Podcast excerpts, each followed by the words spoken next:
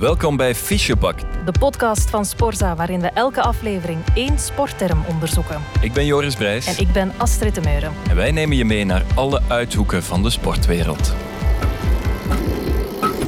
Nee, ik was er absoluut blij mee. Nee, dan, dan, dan ben je wel zo op topsporter. Ik was een beetje het probleem. Ja, het is allemaal goed, maar... Ik vind het een erg prettige ervaring. Deze aflevering, de klapschaats. Het lange baanschaatsen is een sport waarbij de rondetijden van verschillende schaatsers zo dicht bij elkaar liggen dat de winst of verlies afhangt van honderdste van seconde.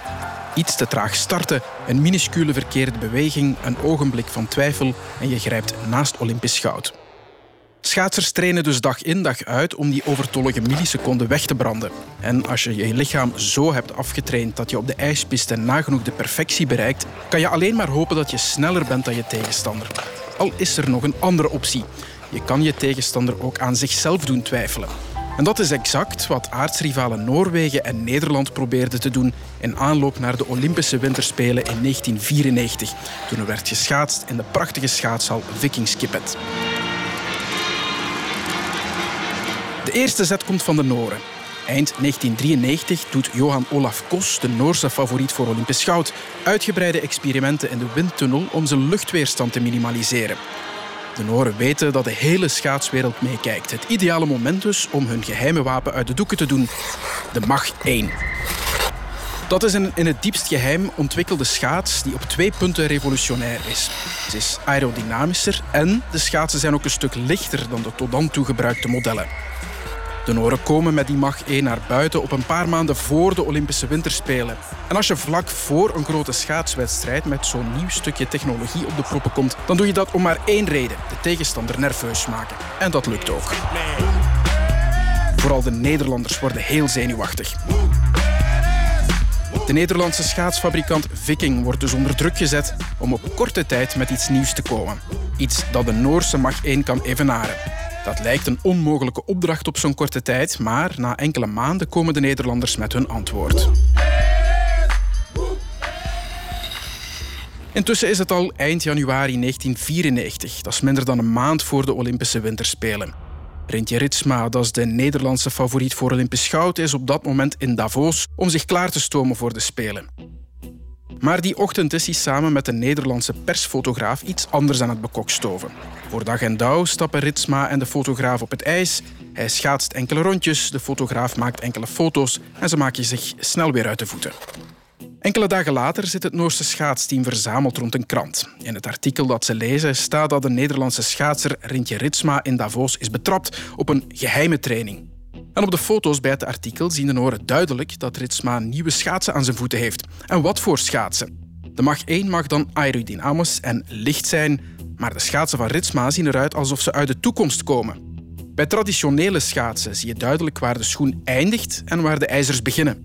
Bij de nieuwe schaatsen van Ritsma vormen schoen en ijzers één geheel. De Nederlanders noemen het de FTN-schaats. En deze keer zijn het de Noren die nerveus zijn. En dan is het eindelijk februari 1994, de Olympische Winterspelen. Dankzij de last-minute PR-stunt van het Nederlandse schaatsteam staan Rintje Ritsma en de Noor Johan Olaf Kos met gelijke wapens aan de start. Ze zijn allebei nerveus over wat de ander aan zijn voeten heeft. Niemand heeft dus een psychologisch voordeel. De beste schaatser wordt de winnaar. Jeg erklærer herved de 17. olympiske vinterleker på Lillehammer for åpnet.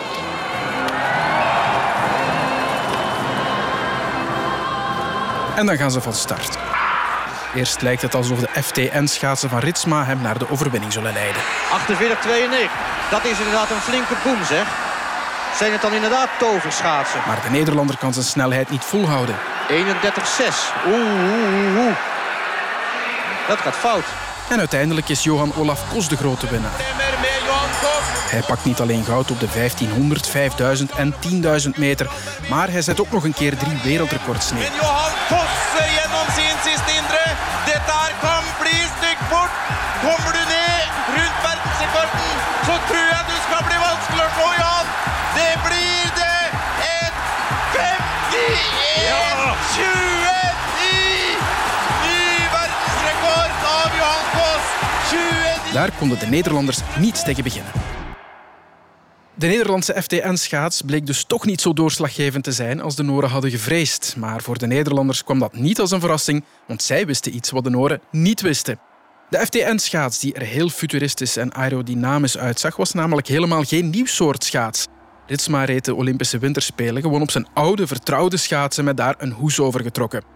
Op de schaatsbaan zorgde die schaats niet voor veel tijdswinst. En dat wisten de Nederlanders goed genoeg. Toen zij ervoor zorgden dat Ritsma met zijn zogezegd nieuwe schaatsen in de krant verscheen, deden ze dat met maar één doel, namelijk de Noren nerveus maken. Maar eigenlijk het hele verhaal zit in het voortraject. Dat wij op trainingskamp zijn in Davos, aan het voorbereiden voor de Olympische Spelen foto's maken en die dan toch per ongeluk uitlekken en bij de Noren terechtkomen. met geheim. De Nederlanders wilden de Noren terugpakken voor hun stunt met de Mach 1.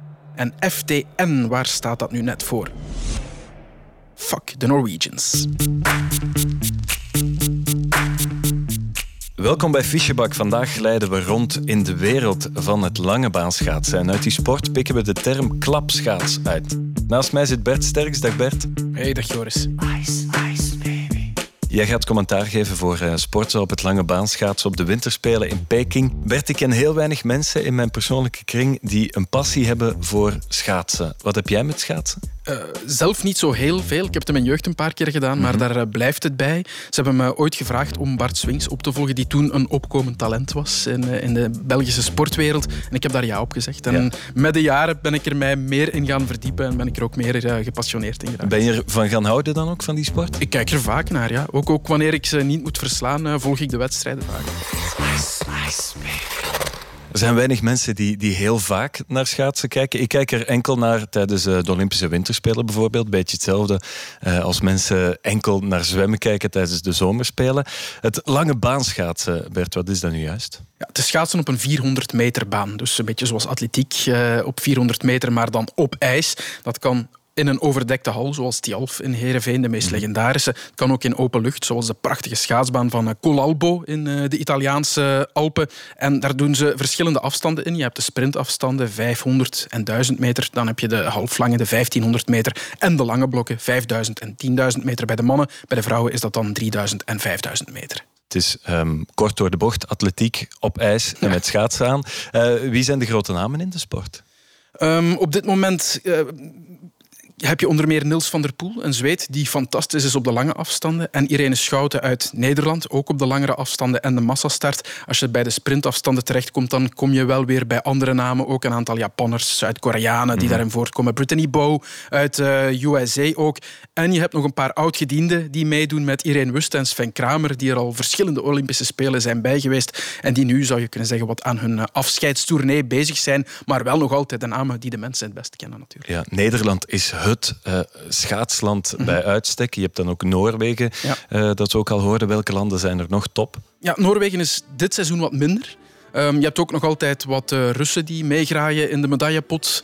Um, op de sprintafstanden zijn dat dan bijvoorbeeld Zuid-Korea en zeker ook Japan, waar ze heel goed uh, werken met de Nederlandse trainer Johan de Wit, die fantastische zaken heeft gedaan de laatste jaren. Ze hebben daar onder meer een heel goede vrouwenachtervolgingsploeg, dus uh, die gaan zeker meedoen voor een pak medailles. Um, daar ook op de Spelen in Peking. En dat zijn zowat de belangrijkste landen. Noorwegen, zoals ik zei, ja, ietsje minder nu dan vroeger, terwijl dat vroeger een, een heel mm-hmm. grote schaatsnatie was. Bart Swings, de naam is al uh, gevallen daarnet. Spelen wij buiten hem een grote rol met ons land, België? Op het schaatsen, nee, nee eigenlijk niet. Hè. Dus je hebt Bart Swings op de massastart, waar hij uh, medaillekandidaat is zonder meer. Uh, waar hij mikt op goud. En uh, op de andere afstanden is hij een outsider. Zo noemt hij zichzelf ook voor de medailles en voor het podium.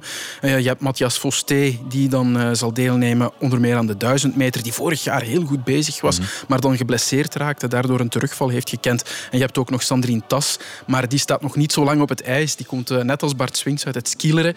Heeft leren schaatsen, maar dat is allemaal nog heel pril. Mm. En het is uh, heel mooi dat ze kan deelnemen. Alvast daar is ze ook heel blij mee. Trouwens. Ja, we zijn nog groeiende als ja. land ja. in het schaatsen. We gaan een uh, term pikken uit onze fichebak, een schaatsterm, de klapschaats. Wat is dat juist? Kort gezegd, het is de snelste schaats die er op dit moment is. Als je twee schaatsers die even sterk zijn tegen elkaar laat uitkomen, je zet er één op klassieke schaatsen en eentje op klapschaatsen, dan zal die op de klapschaats elke keer winnen. Ja, dus uh, een lange baanschaatser die gebruikt altijd, zonder uitzondering, klapschaatsen. Ja, al is dat nu vanzelfsprekend, vroeger helemaal niet. Uh, hoewel die klapschaats onmiskenbaar beter en sneller is, heeft het heel lang geduurd na de uitvinding van die klapschaats voor de professionals ze ook echt durfden te gebruiken. En waarom dan? Het is uh, moeilijk uit te leggen. Ik moet je eerst vertellen hoe we bij die klapschaats gekomen zijn eigenlijk. Mm -hmm. Dus schaatsen, het is iets van alle tijden. Je mag dat echt letterlijk nemen. We hebben zelfs artefacten uit de prehistorie teruggevonden waaruit blijkt dat mensen toen al schaatsten. Ze gebruikten toen een soort van aangescherpte dierenbotten om uh, makkelijker lange afstanden over het ijs te kunnen afleggen. Dierenbotten die ze dan uh, aan hun voeten vastbonden of hoe... Ja, en, en, dat moet ook goed gewerkt hebben, want we hebben bewijzen gevonden dat dat soort van schaatsen nog altijd werd gebruikt tot zelfs in de 19e eeuw. Dus het moet wel gewerkt hebben. Met dierenbotten dan? Ja, ja inderdaad, met dierenbotten. Ja, Straf, ja, als het werkt, dan, dan werkt het zeker. Ja, maar de mens wil altijd meer, natuurlijk. Hè, Joris. Ze zijn uh, beginnen zoeken, gedacht van het kan altijd wel ergens beter. Want vanaf de 19e eeuw zijn ze dan begonnen met ijzer te gebruiken. Ze gebruikten een scherp stuk ijzer. Ze maakten dat vast aan een houten plankje. En dat plankje dat bonden ze dan vast aan uh, normale schoenen. Klinkt logischer dan uh, met dierenbotten op het ijs gaan. Vandaag gebeurt dat toch nog, hè, dat ijzer? Ja, om kinderen te leren schaatsen. Dat wordt een uh, modernere versie natuurlijk dan van de techniek van uh, toen. Vooral in Nederland wordt die gebruikt. Zoals ze hier op school met de kinderen naar het zwembad gaan om hen te leren zwemmen, gaan ze in Nederland vaak met de kinderen naar de ijsbaan. Daar krijgen de kleintjes dan twee ijzers onder hun uh, gewone schoenen gebonden om voorzichtig hun eerste bambi-stappen op het ijs te zetten. Dat is heel schattig, die kleine kindjes op het ijs. Maar als je dan professioneel aan schaatsen denkt, um, als ik die schaats dan voor me zie, dan zie ik vooral een hele speciale schoen waar schaatsijzer aan vastgemaakt is. Dat is dan de volgende logische stap, denk ik. De hoge noor, uh, zoals dat soort schaatsen heet, werd ergens aan het einde van de 19e eeuw uitgevonden. Uh, zoals je zegt was dat een lederen schoen waaraan dan een ronde ijzeren buis met daaraan een scherp ijzer werd bevestigd. En het duurde even voor die schaatsen gangbaar werden. Toen in een schaatswedstrijd in 1954 de schaatsers op hoge noren heel overtuigend wonnen van de schaters op hun houten plankjes. Dan was de invasie van die hoge noren eindelijk een feit. En het recreatieve schaatsen zijn dat eigenlijk tot op de dag van vandaag nog altijd de meest gangbare schaatsen. Ah ja, dus als je vroeger hè, met school, ik weet niet of, ja, of jij vroeger zeker. met school ja, ja, af en toe ging schaatsen. Ik, ja. ik in Turnhout, de schaatsbaan in Turnhout. Als je naar die schaatsbaan gaat en uh, je krijgt daar van die uh, klammige schaatsen in je handen geduwd die je mag huren. Uh, dat zijn dus hoge dat noren. Zijn ze. Ja, dat zijn ze. Maar ook in het lange baanschaatsen was dat sinds 1954 dus het enige soort schaats waarmee je kans maakte om te winnen.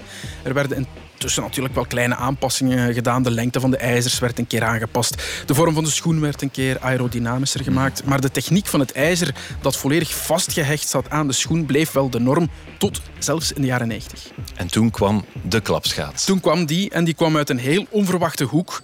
Want terwijl schaatsteams elk jaar wel geld pompten in kleine aanpassingen aan hun traditionele schaatsen om de tegenstanders de loef af te steken, was het een onderzoeker die niets met schaatsen te maken had, die voor de volgende revolutie in de sport zou zorgen. Het was een Nederlandse bewegingswetenschapper met de naam Gerrit-Jan van Ingen-Schenau. Prachtige naam. Ja, hè?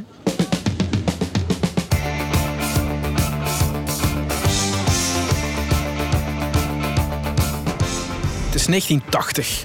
In de Vrije Universiteit van Amsterdam zit bewegingswetenschapper Gerrit-Jan van Ingen-Schenau aan zijn bureau. Hij staat op het punt de uitvinding van zijn leven te doen. Op zijn bureau staat een televisie die beelden afspeelt van lange baanschaatsers in ultra slow motion. En die beelden bevestigen wat Van Inge Schenau al vermoedde toen hij de opdracht gaf om de schaatsers te filmen. Namelijk dat lange baanschaatsers die schaatsen met hoge noren aan hun voeten te maken krijgen met een fysiologisch probleem. Op die slow motion beelden ziet hij dat wanneer schaatsers met hun been afzetten, dat ze hun enkel niet strekken. Oké, okay, ik probeer het mij voor te stellen, maar wat, wat, bedoel je dan juist met de enkel niet strekken? Wil je even meedoen? Ik kan het ja, ja, laten. Moet ik me dan recht zetten? Ook? Best wel, ja, recht staan. Oké, okay, ja, anders wordt het even, moeilijk. Ik ga even recht staan. Momentje. Goed, vertel. Bon, je moet eigenlijk een grote sprong maken, dus afzetten met je rechterbeen en dan landen op je linkerbeen. Voilà, heel goed gedaan. Dank u. Nu, doe de beweging nog een keer, maar dan heel erg traag. En vertel intussen wat je doet met je afzetbeen, dus je rechterbeen. De mensen thuis die mogen meedoen trouwens, maar in de auto misschien beter niet. ja. Jammer dat hier geen beeld bij is bij deze podcast. Het, is, het, zou, het zou mooi zijn. Ehm, dus ik buig eerst door mijn rechterknie om die, om die sprong te maken. Ja, zo is het. Mhm. En dan verplaats ik mijn gewicht dus naar voren. Naar voren, ja. En intussen strek ik dan mijn rechterbeen, maak ik een sprong op mijn linkervoet. Dus dat doe ik nu dan. Ja, geweldig gedaan. Nu kan je die beweging nog een keer doen. Dan mag je weer sneller doen. Maar Ja. deze keer wil ik dat je je enkel van het eh, afzetbeen, dus je rechterbeen, stijf houdt. Dus op het moment dat je springt, hou je je tenen van je afzetbeen naar boven gericht. Tijdens de sprong. Dan. Bij de afzet. Oké. Voel je een verschil? Ja, ik voel een verschil, maar ik kon ehm, minder kracht zetten. Ja, dus exact. Hè. Als je springt of als je loopt ook, is de allerlaatste beweging die je maakt met je afzetbeen een strekking van de enkel. Eerst buig je door de knie, dan strek je je been door kracht te zetten op je heup en op je knie. En op het einde geef je nog een beetje extra kracht door je enkel te strekken. Door die laatste beweging, het strekken van de enkel, zijn je tenen het laatste deel van je lichaam dat de grond verlaat. Ik mag terug gaan zitten? Ja. Nog altijd heel weinig ideeën wat dit dan eh, te maken kan hebben met die schaats. Ja, daarvoor moeten we terug naar de man met de fantastische naam, Gerrit-Jan van Ingen Schenau. Die zag dus op zijn televisie, waarop hij de beelden zat te bekijken, dat lange baanschaatsers eigenlijk gewoon een soort van loopbeweging maken op het ijs. Dat is het ook eigenlijk. Het is lopen op ijs. Met één belangrijk verschil. Ze strekken op het laatste moment die enkel niet. Ja. Waarom eigenlijk niet? Dat komt door dat stuk ijzer onder hun voeten. Als een schaatser op Ah, ja. hoge noren, hè, zoals ze dus heten, op het eh, laatste moment wat extra kracht zouden zetten door die enkel te strekken, zoals bij het lopen, dan zou de punt van de schaats in het ijs terechtkomen. Heel kort weliswaar, maar toch genoeg om vertraging op te lopen en eh, de wedstrijd te verliezen. Ja, het heeft wat tijd nodig, maar ik snap het. Ja, dus, eh, het is niet zo evident inderdaad. Maar wat Van Ingen Schenau op zijn tv zag, was dat schaatsers door hun materiaal, de hoge noren, werden verplicht om die enkel stijf te houden tijdens het schaatsen. En dan was het eigenlijk een hele onnatuurlijke beweging. De man die je hoorde is eh, Erben Wennemars en die weet wel waarover hij praat. Mijn naam is Erben Wennemars. Eh, ik kom uit Nederland. Ik ben eh, voormalig uh, schaatser geweest. Uh, ik heb acht wereldtitels titels verdiend. Met name op de middellange afstanden, de 1000 en de 5 kilometer. Bij het schaatsen natuurlijk. Inmiddels ben ik alweer 12 jaar gestopt. En ben ik commentator en analist bij de Nederlandse televisie en radio. Ja, was dus ook schaatser Erben Wennemars. En hij ondervond zelf al dat fysiologische probleem van de oude Noren aan uh, de lijve. Vroeger als je schaatste, dan strek je je heupgewricht, je strek je kniegewricht. En dan hou je geforceerd eigenlijk je enkelgewicht tegen. Want je wil je schaats naast je houden. Op het moment dat je ook je enkelgewicht gaat strekken, dan gaat die schaats van het ijs af en dan gaat de punt het ijs in. En dat wil je eigenlijk niet. Je wil eigenlijk zo'n zo, zo natuurlijk mogelijke beweging. Nou, het is eigenlijk een kantelbeweging hè, die, die mm -hmm. uh, wil maken, maar niet mag maken. En wat Erben voelde als schaatser, dat zag van Ingen Schenau ook op zijn beelden. Traditionele schaatsen zorgen ervoor dat lange baanschaatsers een onnatuurlijke beweging moeten maken. Nu, met professionele schaatsers, die leven bijna op het ijs, dus zij maken die onnatuurlijke beweging heel vaak. En je kan je wel voorstellen dat dat op termijn niet echt goed is voor de gewrichten. Het lijkt me ook heel pijnlijk om, om constant eigenlijk die onnatuurlijke ja. beweging te doen. Veel, veel blessures ook, denk blessures, ik. Blessures, overbelastingen, denk ik voornamelijk. Iets wat Erben Wennemars ook kan uh, beamen. Heel veel mensen zeggen nog uh, van ja, als je wil leren schaatsen, dan moet je dat leren op van die oude noren. Want dat is beter voor je techniek. En ik ben het daar helemaal niet mee eens. Want, want het is gewoon niet leuker. Je krijgt er zere voeten van. Het is oncomfortabel. Ja, en dat heeft uh, Gerrit van Inge Schenau opgemerkt. En die wil daar natuurlijk ook iets aan doen. Hij komt dan snel op een idee. Je raadt het al. De klapschaats. Daar is hij eindelijk, ja. de klapschaats. En dit is hem dan, de klapschaats. Veel gesproken klapschaats.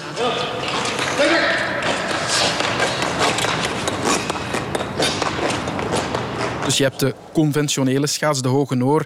Daar hangt het schaatsijzer op twee punten vast aan de schoen, vooraan en achteraan. Bij de klapschaats daarentegen hangt het ijzer alleen vooraan nog vast aan de schoen met mm -hmm. een scharniertje met een veer. Ja. Dus we spoelen terug, rewind. Mm -hmm. We maken dezelfde beweging, maar nu met de klapschaats. Je strekt je enkel, de hiel gaat als eerste de lucht in. Maar, wonder boven wonder, het ijs onder je hiel dat blijft op het ijs staan. Want achteraan zit het ijzer niet meer vast aan die schoen. Enkel vooraan met dat scharniertje. En dankzij dat scharnier blijft het ijzer dus gewoon evenwijdig met het ijs staan. De punt van het ijzer gaat niet meer in het ijs steken en je kan je loopbeweging afmaken zonder tijdverlies. Als je het zo zegt, is het simpel en zou je denken, hoe kan dat dat dat, dat, dat niet vroeger eigenlijk uh, gezien werd? Maar ja, het, is, het, is, best slim gezien. Het is heel slim gezien, ja. Je kunt je slag als het ware gewoon verlengen. Je kunt met je tenen eigenlijk nog een beetje naduwen. Ehm, en daar zit een enorm fysiologisch uh, voordeel in, dat het een veel natuurlijke beweging is. Want nu is het eigenlijk net zoals dat je gewoon gaat lopen. En iedereen kan gewoon lopen. En daarbij strek je ook heup, knie en enkelgewicht. Dan wordt het eigenlijk echt wat meer atletiek op een ijspiste. Zo zie je het dus, al wat voor je. Ja, die klapschaat uh, die maakt het leven sowieso wat makkelijker, wat comfortabeler voor de lange baanschaatsers. Als ze die beweging uh, kunnen doen, als ze echt kunnen lopen, kan ik me voorstellen dat ze ook sneller kunnen schaatsen. Ja, dat is eigenlijk het rare. Uh, van Ingen Schenau deed het in de eerste plaats gewoon voor het comfort. Dus wanneer hij in de jaren 80 een prototype maakte, wilde hij eerst en vooral testen of zijn klapschaats ook effectief prettiger was om te schaatsen. De klapschaats. Zo op het oog een eenvoudig principe van een schoen die loskomt van de schaats. De constructie is een soort scharnier en een veer. En zoals in de Formule 1 autowereld worden hier ook testrijders ingezet. In dit geval Egbert van Doever. Dat is in het begin even wennen, maar eh, ja, toch een, ik vind het een erg prettige ervaring. Die eerste testen die lijken dus positief te zijn op vlak van het comfort, alleszins. Van Inge is een tevreden man, maar hij doet vooralsnog geen belofte over de snelheid. Hier hoor je hem een heel voorzichtige wetenschappelijke uitleg geven. We kunnen nog niet zeggen of je er ook sneller op zal gaan. In theorie moet het kunnen, omdat je meer spiermassa gaat gebruiken. Maar of je dat om kunt zetten in een effectieve techniek, dat is natuurlijk een heel ander verhaal. De logische volgende stap is dus inderdaad kijken of die klapschaats ook sneller is dan de Hoge Noor, waar alle schaters op dat moment nog altijd mee rijden. Maar om dat goed te kunnen testen heb je een krachtiger model nodig dan het prototype dat hij maakte. Iets dat niet zou bezwijken onder de enorme kracht ook die de professionele schaatsers op hun schaatsen zetten. Dus stapt Van Inge Schenau naar de grote schaatsfabrikant Viking. En dat waren die van de Fuck the Norwegians schaats. Diezelfde mannen, Goeie inderdaad. naam, ja, ja, ja, geweldige naam eigenlijk. Maar die gaan dus opnieuw aan het werk met uh, het model van Van Ingen Schenau. En vijf jaar na zijn uitvinding worden de eerste modellen in het geheim getest. Al snel blijkt dat de klapschaats naast het fysiologische voordeel dus ook effectief sneller is. Hoeveel sneller?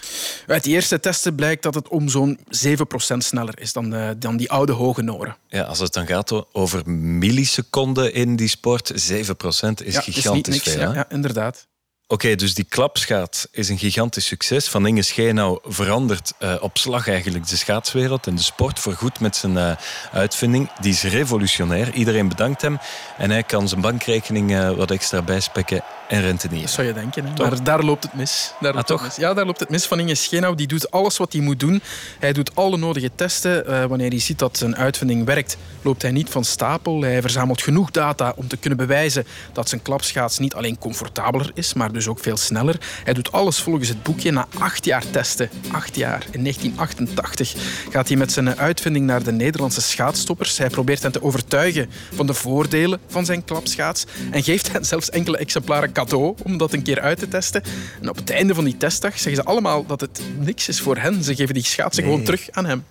Ja. Ik heb medelijden met die man. Dat is zijn Zo lang levenswerk. gewerkt, ja. Zo lang aan gewerkt. Geeft eh, nog wat schaatsen cadeau. Dan zou je verwachten, die gaan zo, zo blij zijn met die nieuwe De uitvinding. glimlach was er niet. En toch niet. Zijn, zijn de schaatsen dan toch niet zo goed? Ik denk dat het niet zozeer aan de schaatsen ligt, maar vooral aan de schaatsers, degene die ze moesten gebruiken. Aan een nieuw soort schaats. Je moet eraan wennen. Je moet dat eh, gewoon worden. En ze krijgen ook alle tijd die ze willen om dat uit te proberen. Maar na één rit moeten ze er eigenlijk gewoon al niets meer van weten. Ze hebben het niet echt een kans Nee, gegeven, klopt. dan ook niet. Ja, klopt. Nee. Waarom niet? Moeilijk te zeggen, maar Erben Wennemars heeft er eh, wel een mening over. En toen hebben ze één grote fout gemaakt. Ze hebben een testploeg gemaakt met de allerbeste schaatsers die er waren. Dus ze zijn naar de kernploeg gegaan, naar de Nederlandse topploeg. En ze hebben die schaatsers, die schaatsen aan die toppers gegeven. En die toppers die waren al, al de beste. Dus die waren, zaten eigenlijk helemaal niet te wachten, te wachten op een verandering. Want die wilden eigenlijk gewoon alles laten bij zoals het nu is. Want ze waren op dit moment de beste. En met nieuw materiaal, dan misschien komt er dan ook alweer een nieuwe hiërarchie. En dan weet je niet of je nog wel de beste bent. Ja, dus die toppers zitten echt niet te wachten op nieuwe schaatsen. Want ze zouden zomaar eens van de troon gestoten kunnen worden door anderen die er dan beter mee kunnen schaatsen. Ja, en nu je het over een troon hebt, Jos de Koning, de rechterhand van, van Inge Schenau en eh, de persoon die het promoten van de klapschaats in de topsport op zich had genomen, die vertelt ons een verhaal waar de Nederlandse toppers niet bijzonder goed uitkomen. Ik heb gehoord dat ze, eh, ze in de kleedkamer op de zitbank eh, kapot gemaakt hebben. En ze kapot hebben ingeleverd met het verhaal van... nou, dat gaat onder onze voeten direct stuk. Onvoorstelbaar, hè? Jesus. Een bende kleuters Ja, ja, ja. die, eh, die schaatsers. Maar je kan je dus wel voorstellen dat Van Inge Schenau aan zijn tafeltje in Amsterdam bijzonder teleurgesteld was. Ondertussen hadden ze al meer dan acht jaar aan die uitvinding gewerkt om dan meteen door de beste schaatsers ter wereld compleet afgewezen te worden. En als die toppers er niks van moeten weten, Joris, ja, dan moet niemand er natuurlijk van weten. Dan krijg je die niet verkocht. Overal waar ze gaan aankloppen met een uitvinding, krijgen ze bij wijze van spreken de deur in hun gezicht gegooid. Uiteindelijk besluiten ze dan ook om die uitvinding gewoon maar weer op te bergen. Maar dan, vijf jaar later, dan eh, gebeurt er plots wat. 1993 zijn we dan. Ergens in Zuid-Holland is er blijkbaar een trainer van de junioren die de klapschaats al een hele tijd aan het uittesten is, zonder dat andere mensen dat weten. Meer zelfs, hij verpulvert op die schaatsen al zijn persoonlijke records. En hij heeft ook tien junioren kunnen overtuigen om het hele seizoen op klapschaatsen te rijden. En eh, dan doen die junioren mee aan het Nederlands kampioenschap allround schaatsen. En ze vallen op. Op de klapschaats. Jan Nijboer. Ja, dit straalt wat uit. Eens kijken of hij onder de 40 kan rijden. Dat kan hij. Wat heet Sterker nog, heet, hij wint de 500 meter.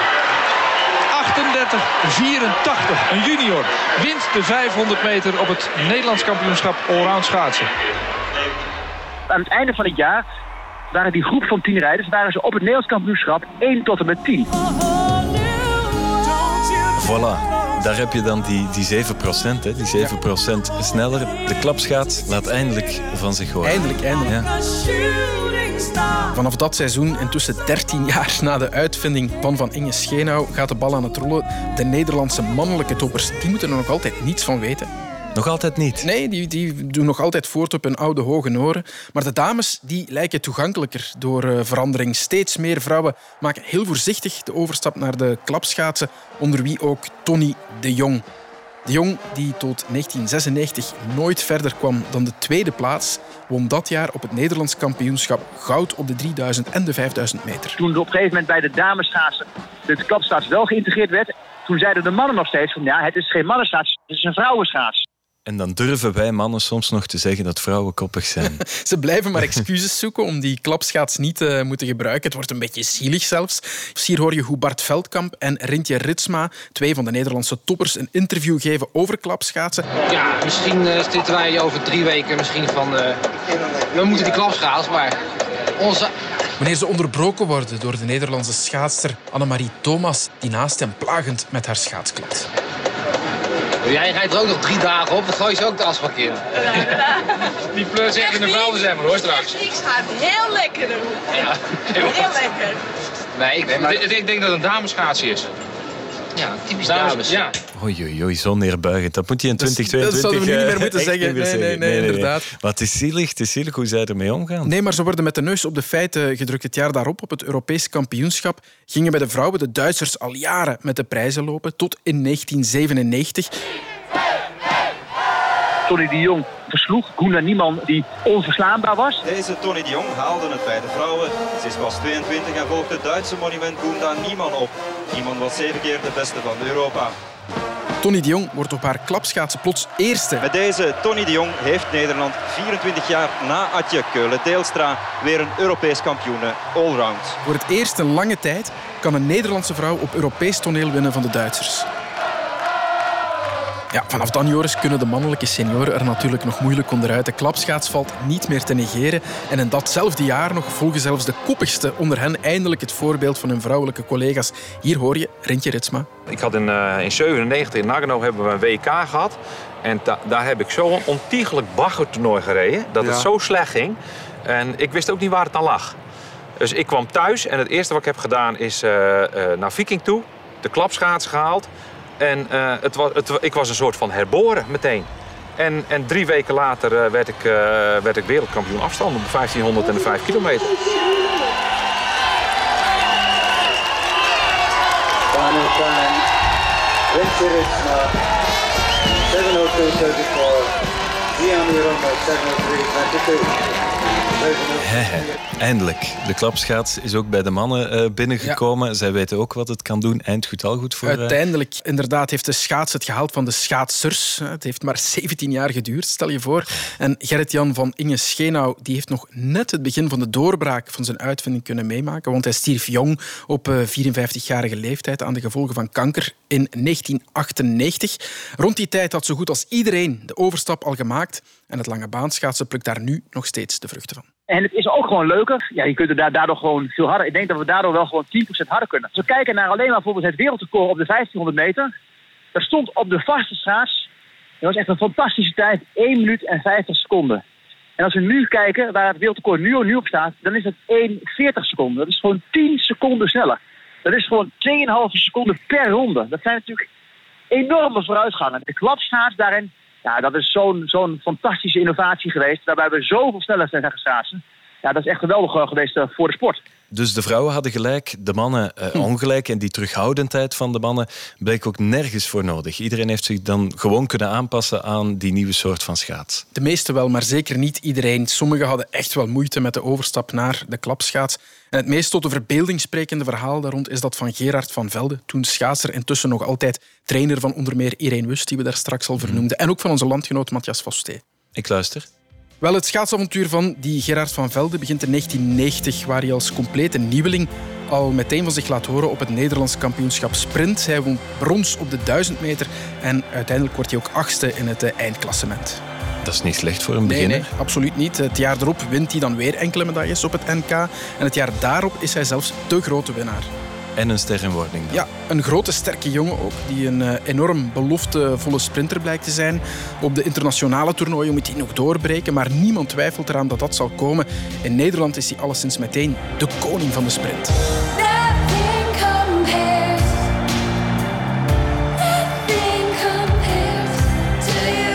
Gerard van Velde is natuurlijk een hele goede schaatser. Hij, hij was groot, hij was sterk. Was eh, jarenlang de enige echte sprinter van Nederland. Was wel een eenling. Hij deed, hij deed ook alles een beetje zelf. Hij, hij moest in zijn eentje ook een beetje opboksen tegen die Canadezen en die Amerikanen en die Aziaten. Ehm, dus ja, hij was wel veel gewoon op zichzelf altijd eh, als, als schaatser. In 1992, twee jaar na zijn debuut, mag de dan 19-jarige Gerard van Velde zijn land al gaan vertegenwoordigen op de Olympische Spelen in Albertville. Dat is straf, zo jong. Velde heeft de laatste buitenbocht. De Koreaan kan dan binnen door. Hoewel Van Velde in die buitenbocht goed mee blijft gaan. En de Koreaan ja, niks toegeeft. Het wordt een hele close finish. Het is de Koreaan die wint in de tweede tijd. En de vierde voor Van Velde. Weer een uitstekende tijd voor Gerard van Velde. Maar dus geen Olympische medaille. Hij strandt op 1 honderdste van een seconde van het brons. Maar Van Velde heeft wel van zich laten horen. De daaropvolgende jaren scoort hij opnieuw, telkens goed op het NK. En een internationale doorbraak lijkt dus maar een kwestie van tijd te zijn. Zijn toekomst als een van de beste schaatsers ooit lijkt in de sterren te staan geschreven. Maar dan gaat het mis, want... Dan komt de klapschaats. Ja, inderdaad, wanneer iedereen rondom hem de overstap maakt naar die nieuwe schaatsen, wil Gerard van Velde dat natuurlijk ook een keer proberen, maar blijkt niks voor hem. Wat ligt hij hier al achter? 10.66 voor Van Velde. Dat is eh, denk ik de slechtste opening van Van Velde dit seizoen. Maar Van Velde rijdt op de klapschaats. Maar het probleem is dus dat hij die klapschaats niet gewoon kan worden. Zijn bochten, waar hij vroeger geen enkel moeite mee had, die lijken nu altijd te mislukken. Oei, wat komt hier ruim de bocht uit. Nee, dit gaat een teleurstellende tijd worden met de gebruikelijke misperen die we eigenlijk wel gewend zijn van Van Velde. Ja, geen geslaagd experiment dus nog. Ja, en hij blijft maar slecht schaatsen op wedstrijden waar hij voordien makkelijk prijzen binnenrijfde. Staat hij nu gewoon onderaan in het klassement. Hij krijgt die klapschaatsen maar niet onder de knie, terwijl niemand rond hem daar evenveel moeite mee lijkt te hebben. Schaatsers die hij er ooit met gemak heeft afgereden, die vegen nu de vloer aan met hem. Dat moet een harde klap geweest zijn voor, eh, voor die man dan. Ehm, waarom had hij dan zoveel moeite met die klapschaatsen? Was dat dan... Ja, talent had hij wel, hè? Ja, ongetwijfeld. En, en voor een stuk zal dat eh, psychologisch geweest zijn, denk ik. Maar volgens Erben Wennemars ligt het vooral aan zijn lichaamsbouw. Ja, het heeft te maken met, het is een hele grote man. Een ongelooflijke sterke kerel. En, en de eerste klapschaats was gewoon denk ik ook niet sterk genoeg. Daarbij kwam ook dat hij ook wel, hij was de beste. Dus, dus hij had ook iets te verliezen. En toen, het was ook het momentum dat, dat hij laat overstapte, eh, geen vertrouwen meer had in het materiaal. eh, een paar keer geval- ge- gevallen was. En dan kom je gewoon in die negatieve spiraal terecht. En, en, daar, en daarnaast kwamen daar in één keer een paar jonge schaatsers die klein waren, handig waren, eh, fysiek wel fit waren, maar niet zo monsterlijk sterk waren als, als, als, eh, als, eh, als Gerard van Veld, die komen dan in één keer op. En dan moet je wel heel goed zijn om dan door die periode heen te komen. Om daar ook gewoon de tijd voor te nemen. En ik denk dat Gerard daarbij nou, op een gegeven moment het geloof verloor. Ja, ook toen was het mentale welzijn van de, van de atleet dus al heel actueel. Hè? Want die Van Velde die verloor steeds meer het geloof in zichzelf. Hij voelde zich ook in de steek gelaten door zijn omgeving. Zijn eh, trainers zoals de succesvolle Pieter Muller, die voordien alle vertrouwen in hem hadden, die zetten nu andere jongens voorop. Schaatsers die wel op klapschaatsen kunnen rijden. En hier vertelt hij achteraf over die periode in zijn carrière. Pieter had heel veel resultaat in zijn ploeg. En een eh, Olympisch kampioen met eh, Marjan Timmer en eh, Jan Bos. En Erben die het fantastisch deed. En Jacco die het fantastisch deed. En ja, dus eigenlijk ja, wa- was met gemak vijfde wiel aan de wagen dan. Hè? En ja, Pieter, ik, was, ik was een beetje het probleem. Ja, het is allemaal goed, maar. Er was altijd zoiets van maar. Dan was ik het negatieve puntje natuurlijk. Hij was de beste. En toen de klapschaats kwam, ja, toen, toen, toen, toen zakte hij eigenlijk helemaal weg. Hij was eigenlijk helemaal geen, geen, geen goede schaats. Kon er ook niet mee omgaan. Wilde er eigenlijk ook niks van weten. Het wordt nog erger dan, want tot overmaat van ramp kan Van Velde zich in 1998 niet plaatsen voor de Olympische Winterspelen. Hij besluit om zichzelf nog een allerlaatste kans te geven op de laatste wedstrijd van dat seizoen. Voor Van Velde is het echt erop of eronder. Maar eigenlijk weet iedereen al dat zijn ooit zo beloftevolle carrière is afgelopen. Zijn seizoen hield op in Heerenveen toen hij zich niet plaatste voor de Olympische Winterspelen. Gerard van Velde, de voormalige sprintkoning van Nederland. De klapschaats wist Van Velde maar geen vriendschap te sluiten dit seizoen. Wellicht op de laatste dag van het schaatsjaar voor Van Velde. Zijn opening is in 10.39. Dat is weer niet fameus. En hier, ja, als het eenmaal een sof is, zo'n seizoen, dan blijft het een sof. Hier hindert Van Velde de Noord. Komt het ooit nog goed tussen jou en die schaats? Nou nee, want eh, ik wou deze gelegenheid gelijk gebruiken om te zeggen dat ik, eh, dat ik stop. Dus eh, En toen is hij echt na het, jaar, na het Olympisch jaar van 1998 gestopt met schaatsen. Hij was zo gefrustreerd over die klapschaats. ik eh, gooi het bijltje bij neer. Ah, Dus die stopt er echt mee op dat Hij moment. heeft er gewoon helemaal mee gehad. Wat een verschrikkelijke domper. Garme, die man die moet vloeken op die schaat eh, dat het niet normaal is. Hij heeft het daarna nog wat geprobeerd in het marathonschaatsen, maar dat blijkt niks voor hem te zijn. En daar stopt hij ook alweer mee. Na drie dagen, hij laat het schaatsen achter zich. Gelukkig heeft de man wel nog een andere passie. Hij stort zich vanaf dan volledig op het in- en verkopen van exclusieve auto's. Dus die man is van Nederlandse sprintkoning naar autohandelaar Ja. gegaan. DDT. Die had waarschijnlijk niet ja, echt zo zijn carrière voorgesteld dat hij zo ging verlopen. Met alle respect voor de autohandelaar. Ja, tuurlijk. Hè. Maar nee, inderdaad, dat zal hij zich zo niet hebben voorgesteld. Maar gelukkig was zijn schaatsavontuur nog niet afgelopen. Er zat nog iets aan te komen, ik voelde Kon het. niet anders, hè? Ja. Anderhalf jaar na dat plotse vertrek krijgt Van Velde bezoek van zijn vriend, zijn ex-collega ook, Rentje Ritsma, die al aan bod kwam in eh, de podcast. Die wil dat Van Velde zijn trainingspartner wordt. En na een beetje aandringen accepteert Van Velde dat ook. In 1999 trekt hij zijn klapschaatsen weer aan. En deze keer zonder dat die enorme druk van zichzelf er is, van zijn omgeving er is. En met alle tijd in de wereld raakt hij stilaan gewend aan die klapschaatsen. Meer zelfs, hij wordt weer goed. Toen ging ik vanaf de eerste keer... Toen ging het gelijk... En ging het gelijk eigenlijk... Ja, dus ik had nog nooit zo goed gereden eigenlijk, voor mijn gevoel. Op die, eh, op die dingen. Ik kwam een bocht door. Eindelijk, eindelijk heeft Van Velde zich kunnen aanpassen aan de klapschaats. Hij begint stilaan weer wedstrijden te rijden ook en resultaten te boeken. Het lijkt erop dat Van Velde eindelijk vrede heeft gesloten met de klapschaats. Iets dat enkele jaren geleden maar niet wilde lukken. Dan de lastige tweede binnenbocht. Daar waar het bij Van Velde heel vaak misging in het verleden. Vlekkeloos gaat het niet, maar wel beter dan ooit. Kuiper houdt zijn adem in. Van Velde blijft op de been. 37,60 is de eindtijd van Gerard van Velde. De tweede tijd achter sprinter Jan Bos. 37,60 en tweede, eh, back in business. Helemaal terug en meer nog, drie jaar na zijn terugkeer op de ijspiste, weet Van Velde zich zelfs te plaatsen voor de Olympische Winterspelen, die dan plaatsvinden in Salt Lake City. En hij heeft een duidelijk doel, eindelijk een Olympische medaille mee naar huis nemen. In Salt Lake City zal hij twee afstanden schaatsen, de 500 en de 1000 meter. De 500 is als eerste aan de beurt. Gek verhaal, spannend ook. Maar hij wordt vierde. Ah. Jammer. Weer vierde dus voor hem. Ja. Op de Olympische Winterspelen in 92 had hij ook al net naast het brons gegrepen. En deze keer was hij maar 200ste van een seconde van de bronzen medaille Ik verwijderd. heb het gevoel dat die man niet echt geboren is voor het eh, geluk. Hij voelt zich helemaal gebroken. Logisch, denk ik, in de dagen na die 500 meter in Salt Lake City. Volledig uitgeput ook. Maar vlak voor hij de 1000 meter moet rijden, neemt hij zich voor om er plezier aan te beleven. Om ontspannen te rijden, maar wel alles te geven, zodat hij zich later niet zou kunnen verwijten. En dan begint hij aan zijn reis. Lefsenia die eh, doet het goed. Van Velden 40, 96 onder het wereldrecord nog steeds. Lefsenia en Van Velden zit maar 300ste boven het wereldrecord. En Van Velden moet in staat zijn een betere laatste ronde te rijden Ja, dan. Dit gaat heel die goed. heel ruim die bocht uitkwam. Kijk en hij heeft hem hier te bakken. Van Velden. Oh, gaat hier een wereldrecord aankomen? Kom op Van Velden. Het zou kunnen. Velden. Het zou kunnen. Het Het zit zit erin. erin.